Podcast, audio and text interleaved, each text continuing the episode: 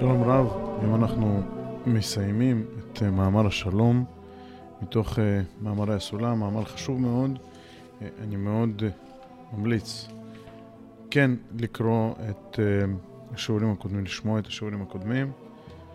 אומר פה בעל הסולם בעוף כ"ה, ואמת הדבר אשר הבנת הדבר באופי כזה צריכה לטיפול רב ובסדרים נאמנים.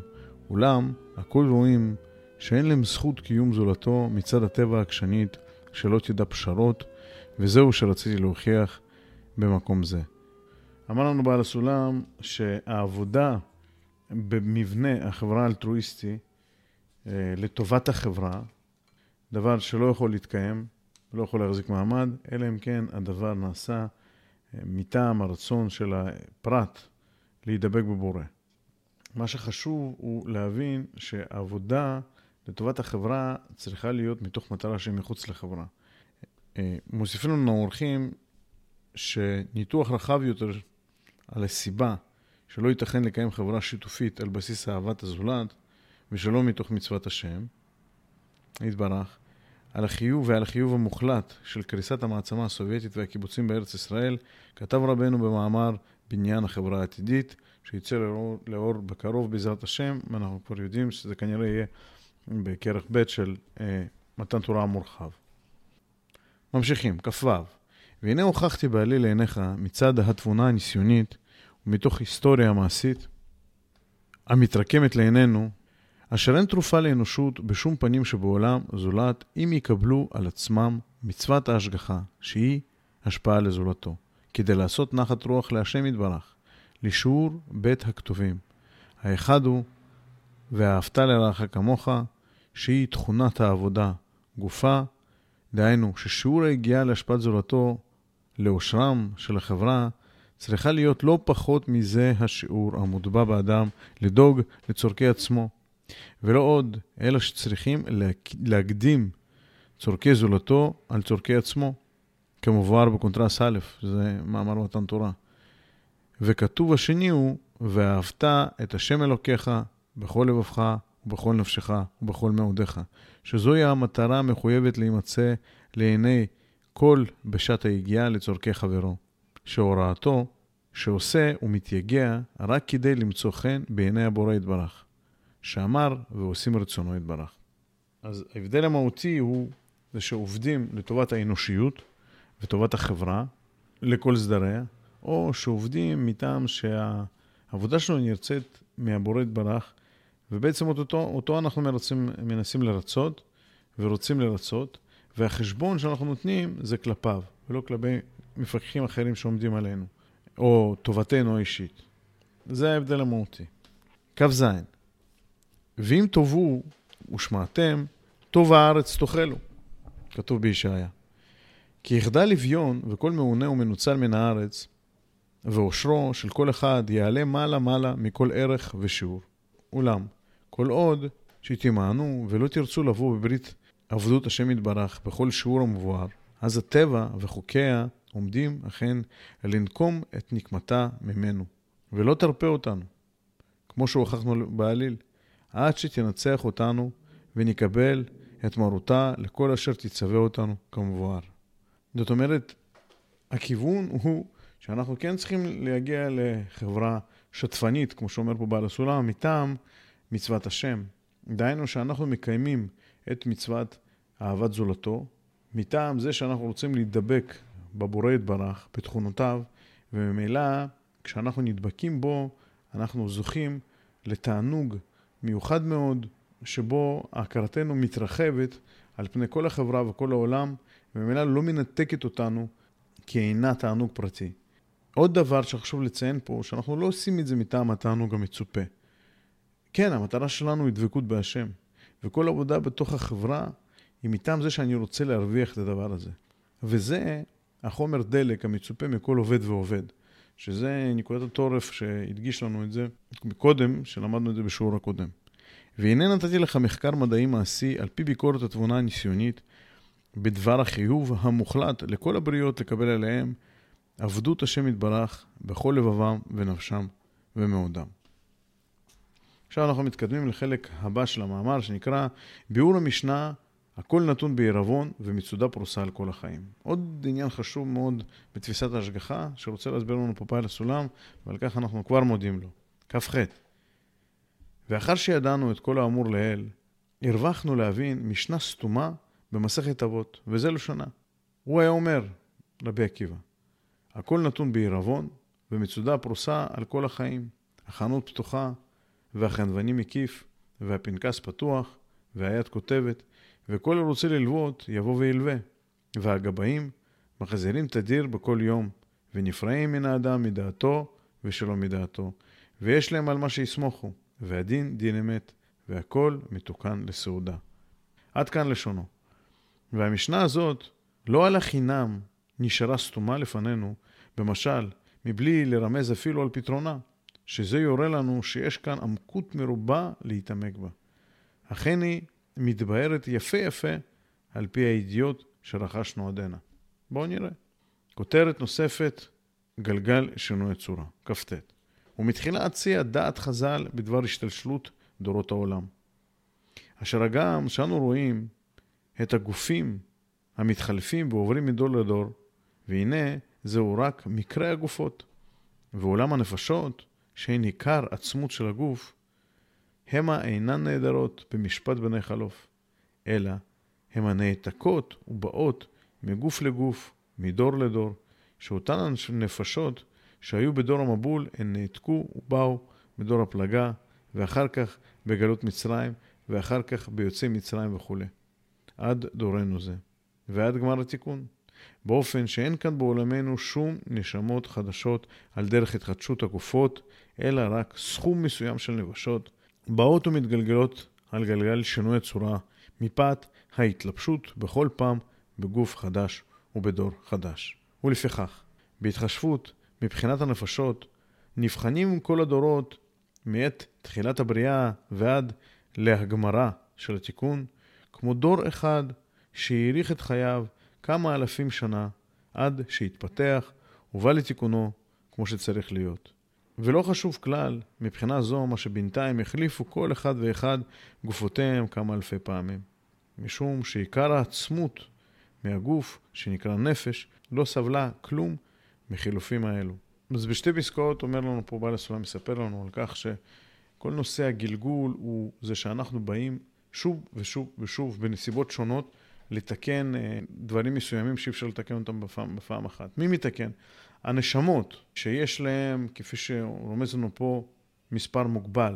הפרטים והמקרים שאנחנו נחשפים אליהם, הם יכולים להתפרט באופן אינסופי.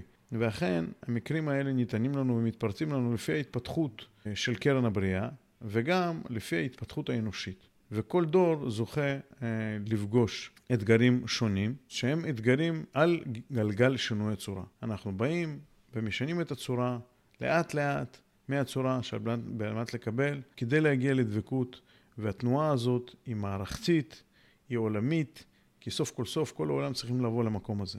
לכן אנחנו רואים את ההתפתחויות תלויות אחת בשנייה, והרבה פעמים אנחנו רואים דברים שמתגלים בעולם סמוך אחד לשני מבחינת הזמן, כי יש איזושהי פריצת דרך רוחנית שמביאה איתה הרבה מאוד פריצות דרך בתחומים אחרים, כמו תחום הפסיכולוגיה, תחום המדע, תחום המדיניות וכולי. אז אומר לנו אה, בעל הסולם שנוכל לדמיין את זה כמו דור אחד של הנשמות האלה, שפשוט האריך אלפי שנים, כדי שיוכל להשתפר לאורך הזמן הזה. אז מה שקורה לנו זה קצת שונה. אנחנו קופצים פנימה והחוצה בנסיבות שונות כדי לעשות תיקונים שונים ונפגשים בחדר כושר הזה שהוא העולם.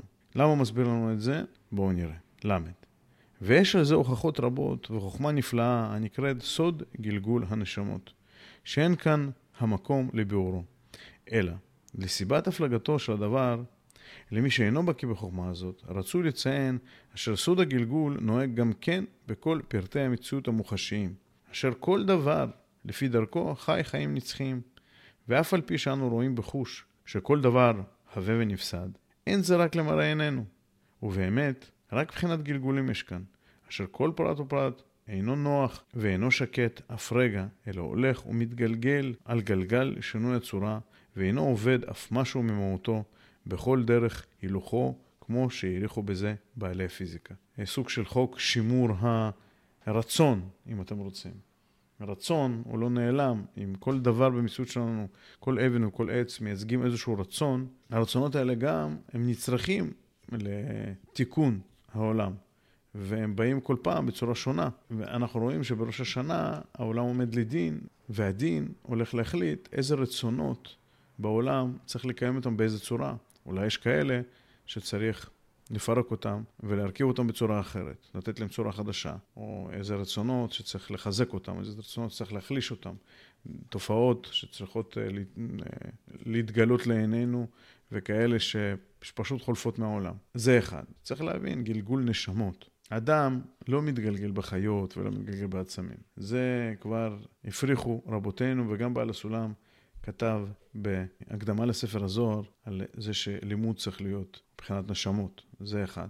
אנחנו גם רואים שאצל אה, רבי סעדיה גאון גם כותב שלחשוב שאדם מתגלגל בתוך חיות או בכל מיני ציפורים, זה פשוט לא להבין את נושא גלגול הנשמות. וכשאנחנו חושבים שה...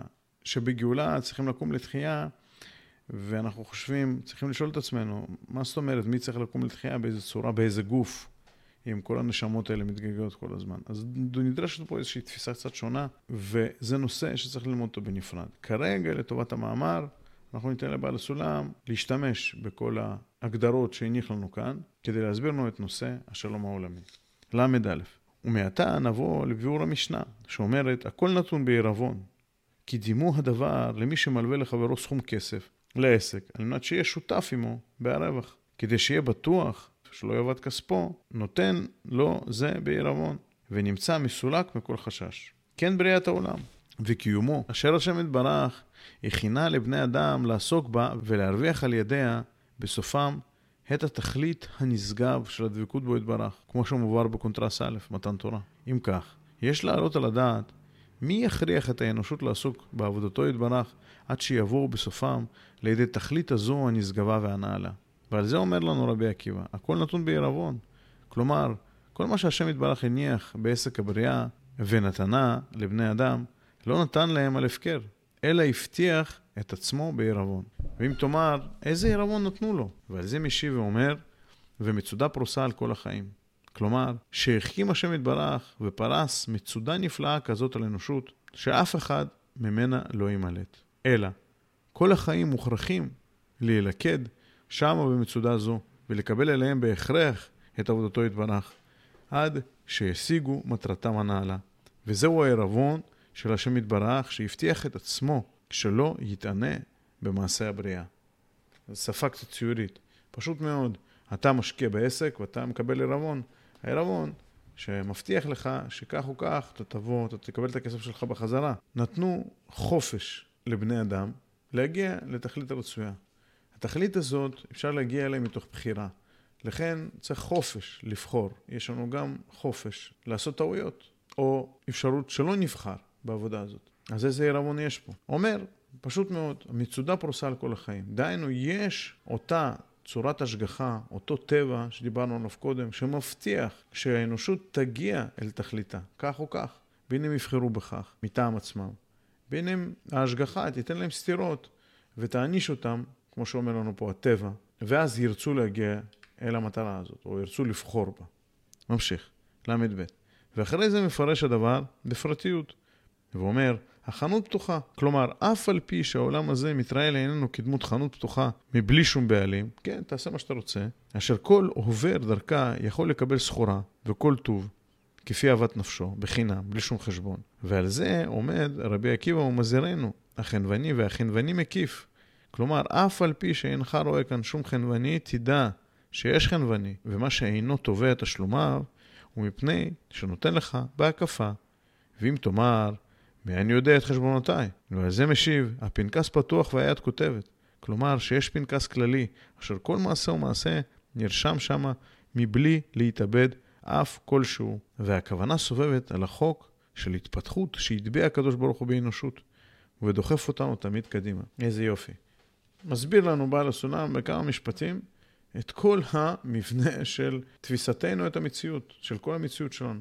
דרך משנה יפה מאוד אנחנו חושבים שהעולם הוא הפקר. מה הכוונה? הכוונה היא שאני, מותר לי להרגיש מה שאני רוצה, מותר לי לפעול, לצרוך תענוגות איך שאני רוצה. מי יגיד לי? איך אומרים אנשים? אני יכול לעשות את עצמי כל מיני גדרים. כל עוד uh, זה נעשה בפרטיות, או אני לא פוגע באף אחד, או שיש איזו הסכמה ביני לבין החברה, שאני יכול או לרצות או להתענג על מה שאני רוצה, כל עוד אני לא מפריע לאנשים אחרים. וכולי, אפשר לקחת את זה לרבדים גם של רוחניות ולא רק של uh, הנפש. אבל, אומר לנו בעל הסולם, זה לא עובד ככה. זה לא עובד ככה. החנווני מקיף. דהיינו, כל דבר שהוא נחשב לחוב שלך כלפי ההשגחה, כלפי, כלפי המטרה שלך, אתה צריך לשלם. אולי לא מיד, אבל אתה צריך לשלם. איך תשלם את זה? אתה תשלם את זה לפי תעריף של חוק ההתפתחות האנושית. דהיינו, אם עכשיו צריך uh, לצרוך או לסבול כמות מסוימת של איסורים כדי שנבוא להכרה באיזשהו רע שהוא כללי, ואז נרצה למגר אותו, אז אנחנו נסבול את זה, אנחנו נשלם את החוב הזה. או לפעול בדרך תורה, דהיינו פשוט לקבל לעצמך שיטה שמישהו כבר בדק, וללכת בה, לעשות את הדבר הנכון. או לא לקחת חובות יותר מדי. הפנקס פתוח והיד כותבת. צריך לשים לב שעל כל דבר, אפילו ברכה שמקבלים מהרבי, במיוחד הברכה שמקבלים מהרבי, צריך לשלם. אפשרויות תשלום לפעמים יותר נוחות, לפעמים פחות נוחות, תלוי בתפיסה שלנו.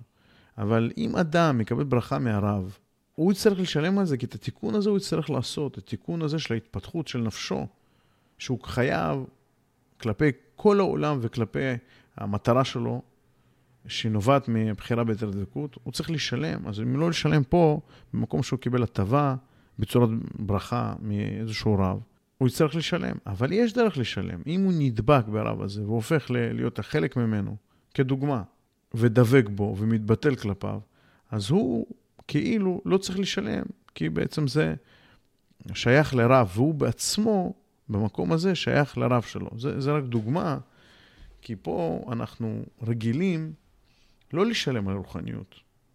שחייבים לנו שיעורי תורה, חייבים לנו ברכות, חייבים לפרגן לנו, חייבים לפייס אותנו, חייבים, חייבים, חייבים. אבל תלמידי חכמים צריכים לתת לנו עבודה, ולכוון אותנו לעבודה הזאת, כמו שאומר פה בעל הסולם. אומר, תקשיב, אנחנו, יש חוב וממשיך ואומר בל"ג, פירוש, שההנהגות המקולקלות, המצויות במצבי האנושות, הן עצמם הגורמות והבוראות את המצבים הטובים, וכל מצב טוב אינו אלא פרי עמלו של מצב הרע שהקדים לו. אכן, ערכי הטוב ורע, אלו אינם אמורים בערך של המצב לפי עצמו, כי אם על פי המטרה הכללית. אשר כל מצב המקרב את האנושות למטרה נקרא טוב, והמרחיקים מן המטרה נקרא רע, ורק על ערך הזה נבנה חוק ההתפתחות, אשר הקלקול והרישות המתהווה מהמצב נבחן לגורם וליוצר על המצב הטוב באופן אשר זמן קיומו של כל מצב ומצב הוא רק זמן מסוים המספיק לגידול קומתו של הרע שבתוכו בשיעור כזה שאין הציבור יכול עוד להימצא בו. אשר אז מוכרחים הציבור להתקבץ עליו ולהרוס אותו ולהסתדר במצב יותר טוב לתיקונו של הדור ההוא. וכן, זמן קיומו של מצב החדש נמשך גם כן עד שניתוצי הרשעות שבו מתבחרים ונגמלים לשיעור כזה שאי אפשר לסובלו, אשר אז מוכרחים להורסו ולבנות מצב יותר נוח על מקומו. וכן, הולכים המצבים ומתבררים בזה אחר זה, מדרגה אחר מדרגה, עד שיבואו למצב מתוקן כזה, שיהיה כולו בלי שום ניצוצות רעות. איזה יופי. ראשית, אנחנו צריכים לזכור, אנחנו נמצאים במציאות של עבודה, ואין משהו אחר. עובדים, באים לעבוד. ברור פה מדברי בעל הסולם שהאנושות יכולה להתמודד עם כל מצב. רק צריכים להיות במודעות אליו, זה אחד. ודבר שני, במודעות אליו כדבר רע. כי אם הדבר הוא רע, אז בוודאי אנחנו נעשה כל דבר כדי למגר אותו. תראו תוך כמה זמן אה, המציאו תרופות למחלה חדשה, ויש תחרות גדולה בין אה, חברות הפארמה. זה רק דוגמה, כן? יש לנו עוד בעיות גדולות, אבל אם אנחנו נתלכד ביחד, לפתור אותם, אנחנו ודאי נוכל, זה מה שאומר בעל הסולם. בשביל זה אנחנו עובדים בתוך המערכת הזאת. אז כל מצב ומצב, הוא בא כדי לאפשר להכרת הרע שנובעת ממנו להבשיל ולכאורה להביא פירות לאנושות בצורת, אוקיי, אני מבין, זה לא טוב, זה צריך למגר, זה צריך לתקן. ושוב, הסתכלות על תיקון יכולה להיות בכל מיני צורות. לא חייבים דווקא לראות כל דבר כמלחיץ ומפחיד. הרוע הוא מושג יחסי, וגם הטוב, ויש פה הגדרה טובה שכדאי להשתמש בה. כל דבר שמקרב אותי אל המטרה הוא דבר טוב, וכל דבר שמרחיק אותי ממנו המטרה הוא דבר רע. המטרה שלנו פה, דבקות בהשם. שימו לב, כל נושא של אה, איכות הסביבה. לא היה במודעות של העולמית לפני 30, 40, 50 שנה. כן, דיברו על זה, כמובן שדיברו על זה. רק תחשבו כמה אנחנו בישראל, שמדינה יחסית קטנה, צורכים כלים למטבח. כל כמה פסחים מתחדשים בכלים. מה קורה עם כל הפסולת הזאת? מה קורה עם כל הדברים האלה שלא מתכלים, כל הפלסטיק והמתכת, המתכות השונות שנמצאות בתוך הכלים האלה? זה דוגמה קלה. תחשבו על כל אלקטרוניקה שאנחנו זורקים, וכמה חומרים אה, מיוחדים יש שם, שהם לא מתכלים, ועם זמן יכולים להרעיל לנו את הסביבה שלנו. תחשבו על כל הנייר מדפסת הלבן שאנחנו צורכים, כדי להלבין את הנייר הזה, צריך להשתמש בהרבה מאוד רעלים קשים מאוד, שאחר כך, איפה יניחו אותם? איפה, מה יעשו איתם? נשפכים לתוך אה, נהרות, הנהרות האלה, שיש בהם חיים, שמורעלים לאט לאט ומתים. אז אוקיי, שמעתי פעם מהרב שהכדור הארץ לא צריך אותנו כדי שאנחנו נטפל בו, הוא יכול אה, לבלוע אותנו ולירוק אותנו בחזרה. כי מי שמנהל פה את המערכת זה הבורא. אבל בתפיסה שלנו, אנחנו צריכים להבין שאנחנו לא יכולים להרעיל את הסביבה שלנו ואת העולם שלנו, סביבת הפעולה שלנו, אלא אנחנו צריכים להיות מיטיבים ומשפיעים טובות מסביבנו. כי אם אני מרעיל איזה נהר, אני פוגע באיזה כפר, שאנשים ש, שחי שם. פה אומר לנו כזה דבר, כל דבר כזה, כל התפתחות כזאת, היא באה ומגדילה את, תופעת ה, את התופעה הרעה, כדי שהיא תתגלה, וסוף כל סוף נוכל לזהות אותה, ולהחליט ולהבין ולהסכים שהיא לא רצויה באנושות ולטפל בה.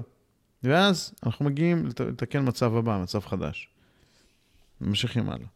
ל"ד, והנך מוצא אשר כל עיקרי הזרעים והגרעינים שמתוכם צומחים ויוצאים מצבים הטובים, אינם אחרים, אלא רק המעשים המקולקלים עצמם. דהיינו שכל רשעה ורשעה המתגלה ויוצאת מתחת ידי הרשעים שבהדור, הנה מצטרפות יד על יד ובאות בחשבון עד שמקבלים משקל כזה שאין הציבור יכול עוד לעמוד בו. ואז עומדים ומארסים אותו ובורים מצב הרצוי יותר.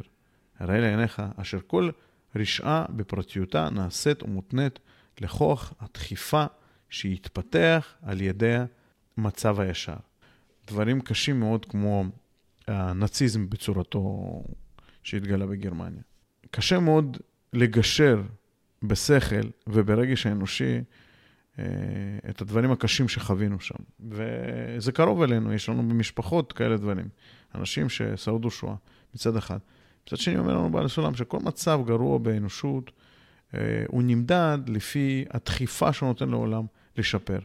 ואם הוא לא מספיק גרוע, אז לא תהיה לנו מספיק דחופה, דחיפה כדי כן להגיע למצב הטוב. זה דבר אחד. דבר שני, נשאלת השאלה, מה אנחנו חייבים אה, אה, להגיע להכרת הרע בצורה כל כך כואבת? חייבים להגיע להכרת הרע, אבל הצורה לא חייבת להיות כואבת, כי אם פועלים בדרך תורה, זאת אומרת, הולכים לפי מצוות השם, וממילא רוצים עכשיו להגיע לאלטרואיזם אמיתי, ורוצים לפעול טובות לסביבה שלנו, ברגע שנתחיל לעשות את זה אפילו במעט, אנחנו נראה לבד איפה הרוע נמצא בתוכנו ומה צריך לטפל בו. מה זה הרוע?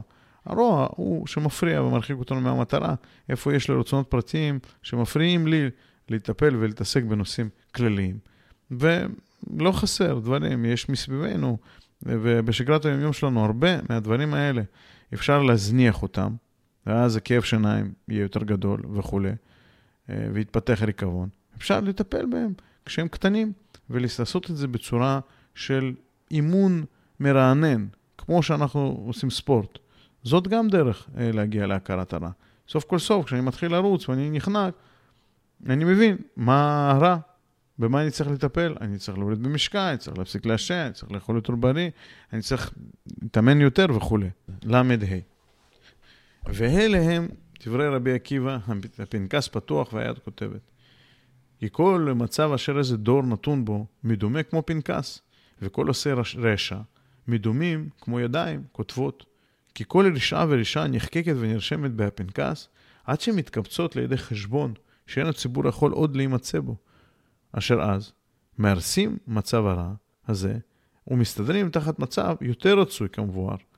הרי אשר כל מעשה ומעשה בא בחשבון ונרשמים בפנקס, דהיינו, בהמצב כאמור. זו הסתכלות מאוד מאוד יפה פה על העניין הזה. בעל הסולם מסביר לנו את זה, הוא מגיש לנו את זה. מושג, מושג. תודה רבה. הלאה. ל"ו.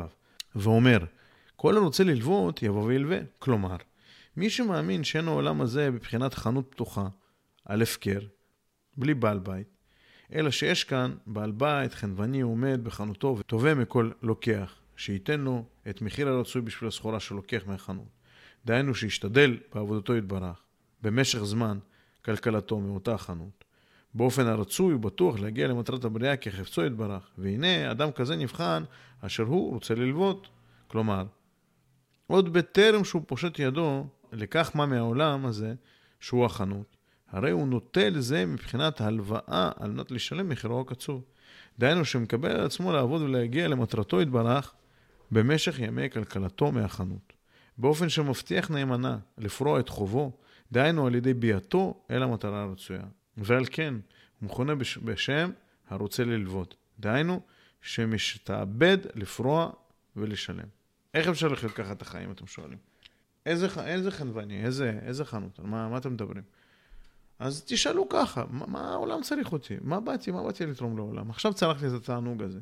עכשיו חוויתי הרגשה שנתנו לי משמיים יכולת לאהוב את הילדים שלי, שזה דבר גדול, או לשמוח מחיוך של התינוק. מה שילמתי על זה? בשביל מה אני חי? איזה תועלת אני מביא? זו שאלה שצריך לשאול.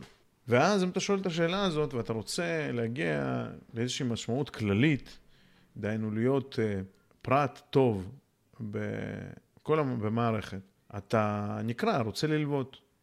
דהיינו, לפני שפשט את היד, לא כל אחד רוצה ללמוד. יש אנשים שפשוט גונבים. יש אנשים שלא מסכימים לזוז ולנוע. אומרים, אין, אי אפשר, אני, אני לא יכול לשלם את מה, ש... מה שנותנים לי פה. לא, לא שווה החיים האלה. ו... וזה לא פשוט, כי בלי הנחיה והדרכה, הדבר הזה שאנחנו עושים פה, אי אפשר להביא את הדברים האלה פשוט. זה לוקח הרבה ייסורים. אבל אם אתה רוצה להגיע, להיות משמעותי, להגיע למטרה הזאת, שאתה מחזיר את מה שלווית, ואתה גם תראה את העולם בסדר אחר. למה העולם צריך אותי? בשביל מה באתי לעולם? לא, העולם כל כך גדול, הוא מנוהל, הוא... הבורא לא צריך אותי. לא, לא, לא ככה. הבורא אולי לא צריך אותך. אבל אתה מוכן לחיות uh, ולקבל מתנת חינם כל חייך? אוקיי, אולי זה גדול מדי. אז בכל חברה שאתה נכנס, בזוגיות. כשאני בא אל הזוגיות, כשאני מחפש בן או בת זוג, כל אחד uh, במקומו, מה אני יכול לתת לזוגיות? או שאני רק רוצה, חושב על מה אני יכול לקבל. מה אני יכול לתת במקום העבודה הזה? איזה אווירה אני יכול לייצר? או שאני רק מצפה שיעשו לי וידאגו לי. כשאני נכנס לדואר לקבל את המשלוח שלי, האם אני מרגיש שחייבים לי, או שאני מרגיש שגם אני שותף לתהליך הזה, ואני יכול להיות נחמד לאותו פקיד או אותה פקידה שעובדת פה אה, כל יום כמה שעות ונפגשת עם אנשים כל מצבי הרוח שלו. כשאני הולך לחנות ושילמתי את ה-10 שקל ליוגורט שקניתי, האם אני רוצה גם להגיד תודה למוכרת? כי הרי אני לא חייב לה כלום, אני שילמתי את הכסף. זה, זה, אלה שאלות שמפגישות אותנו עם המושג הרוצה ללוות. וכדאי שאנחנו נהיה כאלה אנשים. ל"ז. ומציין לנו רבי עקיבא ב' סוגי אנשים. סוג האחד הם מבחינת חנות פתוחה, שחושבים את העולם הזה כמו חנות פתוחה מבלי שום בעל בית חנווני. ועליהם אומר, הפנקס פתוח והיד כותבת. דהיינו, אף על פי שהם אינם רואים שום חשבון, מכל מקום, כל מעשיהם בספר נכתבים. כמובן לאל, שזהו על ידי חוק ההתפתחות המוטבע בהבריאה בעל כורחה של האנושות, אשר מעשי הרשעים בעצמם מולידים בעל כורחם מעשים הטובים, כמו שמבואר לאל. וסוג השני של האנושות הוא מכנה בשם הרוצים ללוות, אשר הם המתחשבים עם בעל הבית. ובעת שלוקחים מה מהחנות, אינם לוקחים אלא רק מבחינת הלוואה שמבטיחים לחנווני לשלם לו את מחירו הקצוב. דהיינו, לזכות על ידה למטרה התכליתית, ועליהם אומר, כל הרוצה ללוות, יבוא וילווה. יש אפשרות. כן, תבוא תלווה. כן, צריך ללוות כסף כדי שיהיה לך די לצורכי שבת שלך, אבל אם אין לי אפשרות לפרוע, תסמכו עליי, אני אעזור לכם לפרוע. אומר לנו הבורא, כי ממילא אני לא צריך את ההלוואות, את הכסף שלכם, אני לא צריך את הפירעונות שלכם. זה, אנחנו צריכים, מטעם הבחירה שלנו ביתר דבקות, זה אחד. דבר שני, גם צורת ההשגחה היא שונה לאותם הרצונות שלי שהם רואים את העולם כחנות פתוחה, ומוכנים אה, לדרוס כל דבר עומד בדרכם רק כדי שהם יוכלו לקבל את טובתם הפרטית. שוב, אני מדבר באדם אחד, זה הרצונות שיש בתוכנו. מצד שני, הרצונות שהם רוצים לפעול את פעולתם כדי לייצר ערך לעולם, מחוץ לי, להיות בן אדם משפיע ולהשוות את הצורה עם הבורא או עם המאציל שלי, להיות משמעותי. הרצונות האלה גם יש עליהם השגחה אחרת. אומרים להם, בוא תלווה, רוצים לתת לך כוח. מאיפה יבוא הכוח? ואם אין לי כוח? אם אתה דבק במשהו שלמעלה ממך ועושה מטעם של למה ככה, פשוט ככה, בלי שום היגיון גופני, גם במקום הזה, מהמקור הזה, יש אפשרות לקבל כוח. כוח שהוא למעלה מהטבע האנושי. הרבה פעמים אנחנו רוצים לעשות דברים שהם בהתמסרות נפש, במסירות נפש גדולה, ואנחנו מגיעים לאיזושהי אפיסת כוחות עצמיים. צריך להבין שאפשר לקבל כוח מחוצה לנו. אם עושים דברים מתוך עיבור במאציל, במשהו, באיזשהו עיקרון שהוא יותר גבוה מאיתנו. ומבחינתנו, אנחנו. לא מרגישים שום היגיון. ועושים אותם ככה, פשוט עושים אותם, כי צריך. ל"ח, ואם תאמר, מה החילוק בין סוג האחד, אשר מטרה התכליתית מתחייבת ובאה להם מתוך חוק ההתפתחות, לבין הסוג השני, אשר המטרה התכליתית מגעת להם על ידי השתעבדות עצמית לעבודתו יתברך. הלא סוף סוף שניהם שווים בהשגת המטרה. ועל זה ממשיך ואומר, והגבאים מחזירים תמיד בכל יום, ונפרעים מן האדם מדעתו ושלא מדעתו. כלומר, אמת היא, אשר אלו ואלו משלמים חובם בשווה לשיעורין בכל יום ויום. וכשם שהכוחות הסגוליים שמופיעים על ידי עסק בעבודתו יתברך נבחנים לגבאים נאמנים הגובים החוב לשיעורין תדיר דבר יום ביומו עד שנפרע על מלואו, כן, ממש כוחות איתנים המוטבעים בחוק ההתפתחות נבחנים גם כן לגבאים נאמנים הגובים החוב לשיעורין תדיר דבר יום ביומו עד שנפרע על מלואו, שזה המרוא, והגבאים מחזירים תדיר בכל יום ונפרעים מן האדם. אמנם, יש ביניהם חילוק ומרחק רב, דהיינו מדעתו ושלא מדעתו. אשר סוג אחד, אשר חובם נקבע על ידי גבאים של ההתפתחות, נמצאים פורעים חובם שלא מדעתם, אלא הגלים סוערים ובאים עליהם על ידי רוח החזק של התפתחות, דוחפים אותם מאחוריהם, מכריחים הבריות לפסוק קדימה. הרי שהחוב נפרע בעל כורחם בייסורים גדולים, על ידי הגילויים של כוחות הרע הדוחפים אותם בדחיפה מאחוריהם. ויזה טרגה זה נקרא, בלטינית, כוח שדוחף מאחורה. אולם הסוג השני, פורים, פורים חובם, שהוא השגת המטרה, מדעתם, מרצונם עצמם, בהיותם חוזרים אחרי העבודות הסגוליות הממהרות את ההתפתחות חוש הכרת הרע. על דרך שנתבהר במאמר מהות הדת ומטרתה. נלמד את זה בעזרת השם. שעל ידי העבודה הזו נמצאים מרוויחים בשניים. רווח אחד שהכוחות הללו מתגלים מתוך עבודתו יתברך, נמצאים ערוכים לפניהם מבחינת כוח המושך בדמות חשק מגנטי, מבחינת ויזה פרנטה, כן? שהם נמשכים קדימה, הם, הם פעולה שמושכת מקדימה ולא דוחפת מאחור. שהם העצים ונמשכים אחריו מרצונם, מחשקם על פי רוח האהבה, ואין צריך לומר שנשללים מכל צער וייסורים, כמו הסוג הראשון. ורווח השני, שהם הממהרים להם התכלית הרצויה. כי הם ההם הצדיקים והנביאים הזוכים ומשיגים את המטרה בכל דור ודור. כמובן במאמר מהותה של חוכמת הקבלה בקונטרס א', דיבור המתחיל, ועל מה סובבת החוכמה. מהותה של חוכמת הקבלה, מאמר במחטא, אנחנו נלמד את זה. והרי לעיניך מרחק רב מבין הנפרעים מדעתם והנפרעים שלא מדעתם. כי יתרון האור של הנועם והתענוג על החשכות של ייסורים המכאובים רעים. מרחק רב. אין לנו ברירה אלא להגיע למטרה המקווה של הדבקות בבורא, מטעם הבחירה שלנו ביתר דבקות. אז למה להתאמץ? הוא אומר, נכון, אם לא תתאמץ, אתה תהיה מהאנשים הסיבתיים, שזזים רק על ידי שמכים אותם, רק על ידי הסיבות שמכריחות אותם לנוע ממקום למקום, ממצב רע למצב יותר טוב. ופה אתה תסבול הרבה מאוד איסורים. אבל אם אתה תהיה מאנשים שבוחרים בעבודה הזאת, אז תרוויח כפליים. הרווח הראשון, שאתה תפעל מטעם הרצון שלך, וממילא מאמץ והעמל והטורח, אתה לא תרגיש אותם כייסורים, אלא תרגיש אותם כדבר מעורר ומעודד, כמו שאתה עושה ספורט, להבדיל.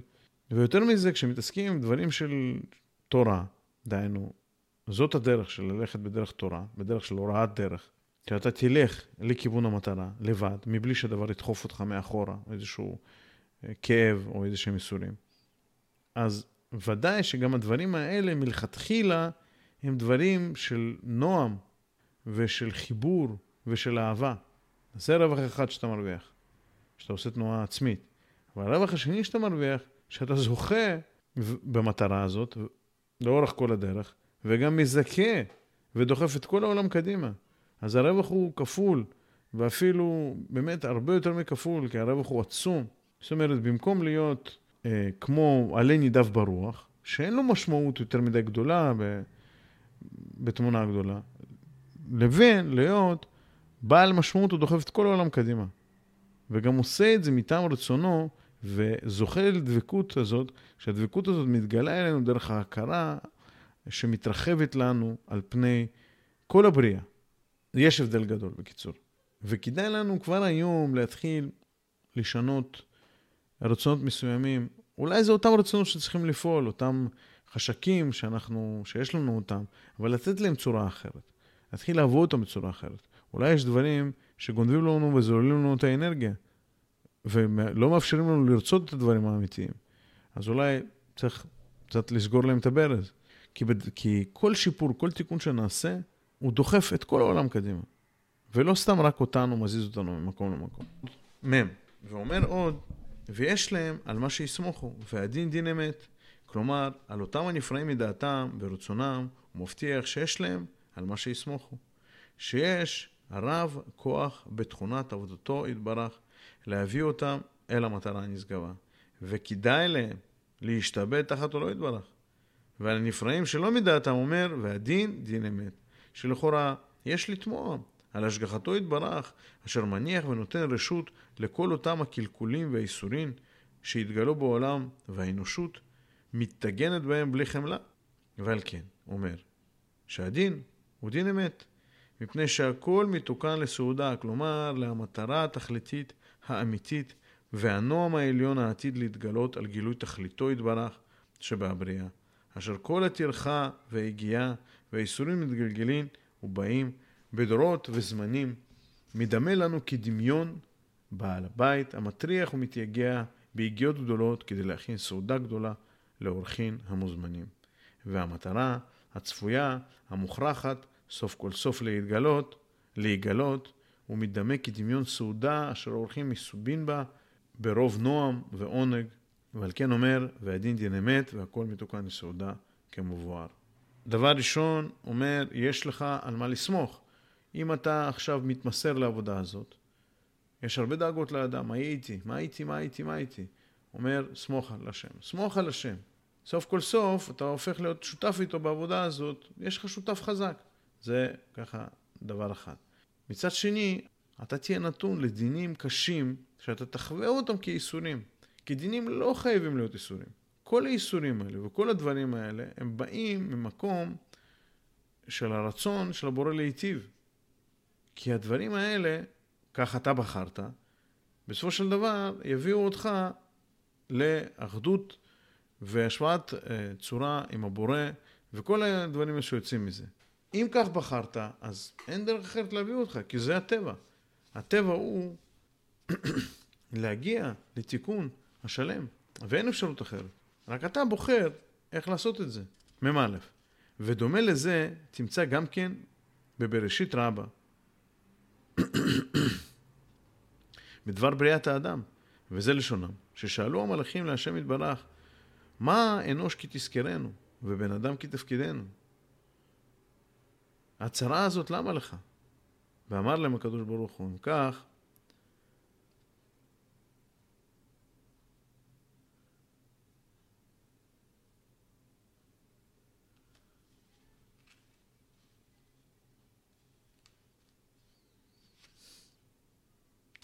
ואמר להם הקדוש ברוך הוא, אם כך, צונה ואלפים, למה נבראו וכולי? למה, למה הדבר הזה דומה? למלך שהיה לו מגדל מלא כל טוב ואין לו אורחים. ומה ההנאה למלך שמלא, ש, שמלאו? מיד אמרו לפניו, שם אדוננו, מאדיר שמך בכל הארץ. עביד, מה דעני לך? פירוש, כי המלאכים שראו כל המכאובים והייסורים העתידים להתגלגל על האנושות, טמאו ושאלו, הצרה הזאת למה לך? והשיב להם הקדוש ברוך הוא שיש לו אמנם מגדל מלא כל טוב ואין לו אורחים אחרים מוזמנים אליו, אלא רק האנושות הזאת. וכמובן, אשר המלאכים שקלו בדעתם את התענוגים הנמצאים במגדל הזה, העומד ומצפה על מוזמניו לעומת האיסורים והצרות העתידים להגיע לאנושות, ואחר שראו שכדאי לאנושות לסבול בשביל הטוב, או הטוב הצפוי והמחכה לנו, אז הסכימו על בריאת האדם. והיינו ממש כדברי רבי עקיבא, אשר הדין דין אמת והכל מתוקן לסעודה. שעוד מראשית הבריאה נרשמו שמה כל הבריות לאורחים מוזמנים, שמחשבות הבורא יתברך מחייבתם לבוא לסעודה, ואם אם שלא מדעתם, אם מדעתם כמבואר. אומרים לנו שהמטרה שאנחנו צועדים אליה היא הרבה הרבה יותר גדולה מהאיסורים שאנחנו צריכים לסבול, אפילו אם אנחנו צריכים לסבול ייסורים. וזה שונה מאוד ממה שאנחנו חווים בעולם הזה, שאנחנו עובדים כמות מסוימת של שעות, מקבלים שכר מסוים, כל אחד לפי ההכשרה שלו. לא, זה הרבה הרבה הרבה מעבר, זה הרבה יותר. אפשר כבר היום להבין uh, את הדבר הזה כשעובדים ומגיעים לאיזושהי השוואת צורה, כשמוותרים על הגאווה. ועם כל זה אומר לנו במקומות אחרים שזה לא מתקרב אפילו. אבל הרווח הגדול של לזכות בדבקות הוא עצום. וכן, צריך לקחת כמה זמן ביום שלנו, או פעם בחודש, פעם בשנה, לערער על העניין הזה. ובמבואר יתגלה לכל אמיתות דברי הנביא בנבואת השלום, המתחלת וגר זאב עם כבש ונווה רבי ירבץ וכולי, ונותן טעם על כל זה, כי מלאה הארץ דעה את השם, כמים לים מכסים. הרי שהנביא תלה שלום העולם כולו, שלום כל העולם, על מילוי כל העולם בדעת השם. דהיינו, ממש כדברנו לאל, אשר התנגדות הקשה האגואיסטית שמבין איש לרעהו, שעמדה יחד, שעימה יחד מתחדדים היחסים הלאומיים, כל אלו לא יעברו מתוך העולם על ידי שום עצה ותחבולה אנושית. יהיה מה שיהיה. כי עינינו רואות איך החולה האומלל מתגלגל ומתהפך מתוך מכאוביו האנושיים לבלי סבול על כל צדדיו. שכבר האנושות השליכו את עצמם לימין קיצוני כמעשה גרמניה או לשמאל קיצוני כמעשה רוסיה. ולא בלבד שלא הקלו לעצמם את המצב, אלא עוד החמירו המחלה והכאב. והקולות עד לשמיים, כידוע לכולנו. הדברים האלה אנחנו צריכים לעבור אותם, אבל אנחנו יכולים סתם לסבול, סתם לעשות תנועות ו- ולא להתקדם, אם אנחנו לא נעשה את הדבר הנכון. מה אתה אומר לי סתם? מה אתה אומר לי סתם? אתה הרי אומר שכל המצבים האלה רק מגעים את הרוע כדי שנוכל לזהות אותו ולפעול אותו. נכון, נכון, זה נכון, אבל כל הסבל הזה, כל המאמץ האנושי הזה, לכיוון הלא נכון, פשוט גורם לנו להתפתח לאט, לאט, לאט, לאט על ידי ייסורים. אבל אם אנחנו נקבל על עצמנו תפיסה דתית, אז אנחנו נוכל במהרה, במהרה, לצאת מהמכאובים והאיסורים האלה, בצורה כללית. מ"ד. הרי שאין להם עצה אחרת זולת לבוא בקבלת עולו יתברך בדעת את השם. די, היינו, שיכוונו מעשיהם לחפץ השם ולמטרתו יתברך. כמו שחשב עליהם בטרם הבריאה. כשיעשו זאת, הרי הדבר גרוע לכל, שאם עבודתו יתברך, תמחה זכר הקנאה והשנאה מהאנושות, כמו שהראיתי בהלל באמור עד כאן. כי אז כל חברי האנושות התלכדו לגוף אחד, בלב אחד, המלאה דעת את השם. הרי ששלום העולם ודעת השם הם דבר אחד. אז הנה, בבקשה, במשפט אחד, שלום עולמי תלוי בדעת השם. אם כולנו נתלכד מסביב למטרה הזאת, וזאת תהיה המטרה שמלכדת אותנו, דבר שהוא מחוץ לאנושות, אז גם נוכל לגשר על כל הפערים וכל ההבדלים שיש בינינו.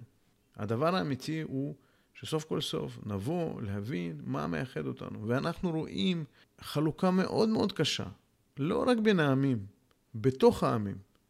דהיינו, אנחנו זקוקים לאיזשהו רעיון, לאיזושהי אחיזה מחוץ למחנות המחולקים האלה, כדי שסוף סוף נוכל להתלכד ולבוא למקום משותף.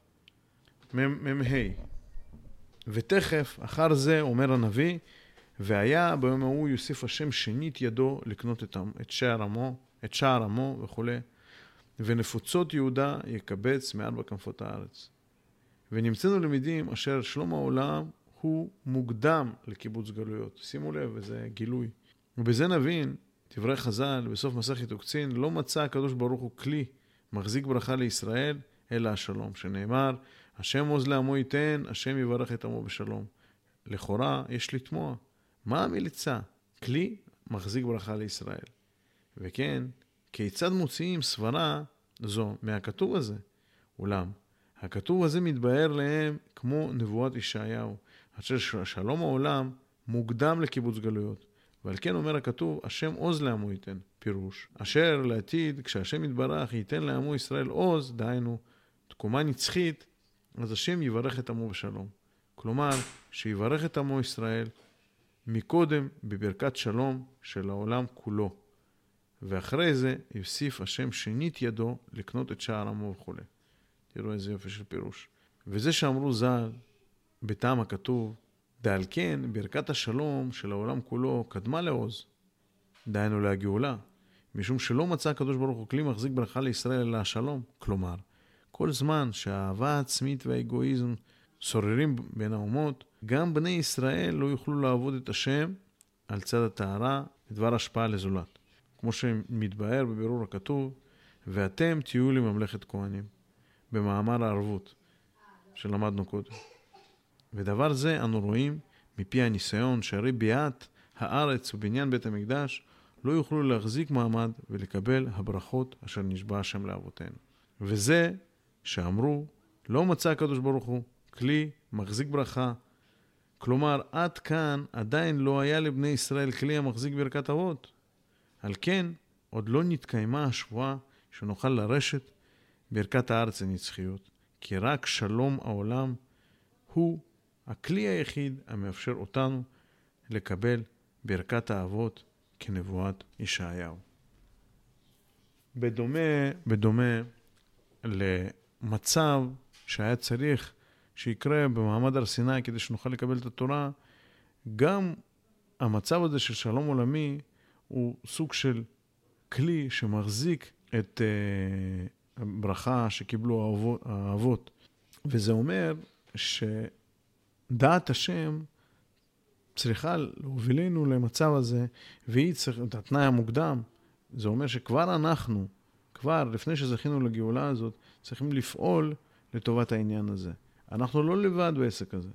אנחנו כן צריכים לעשות את הצעד שלנו, כל אחד במקומו, בביתו, להגדיל את דעת השם, כדי שנוכל להגיע למצב של שלום עולמי.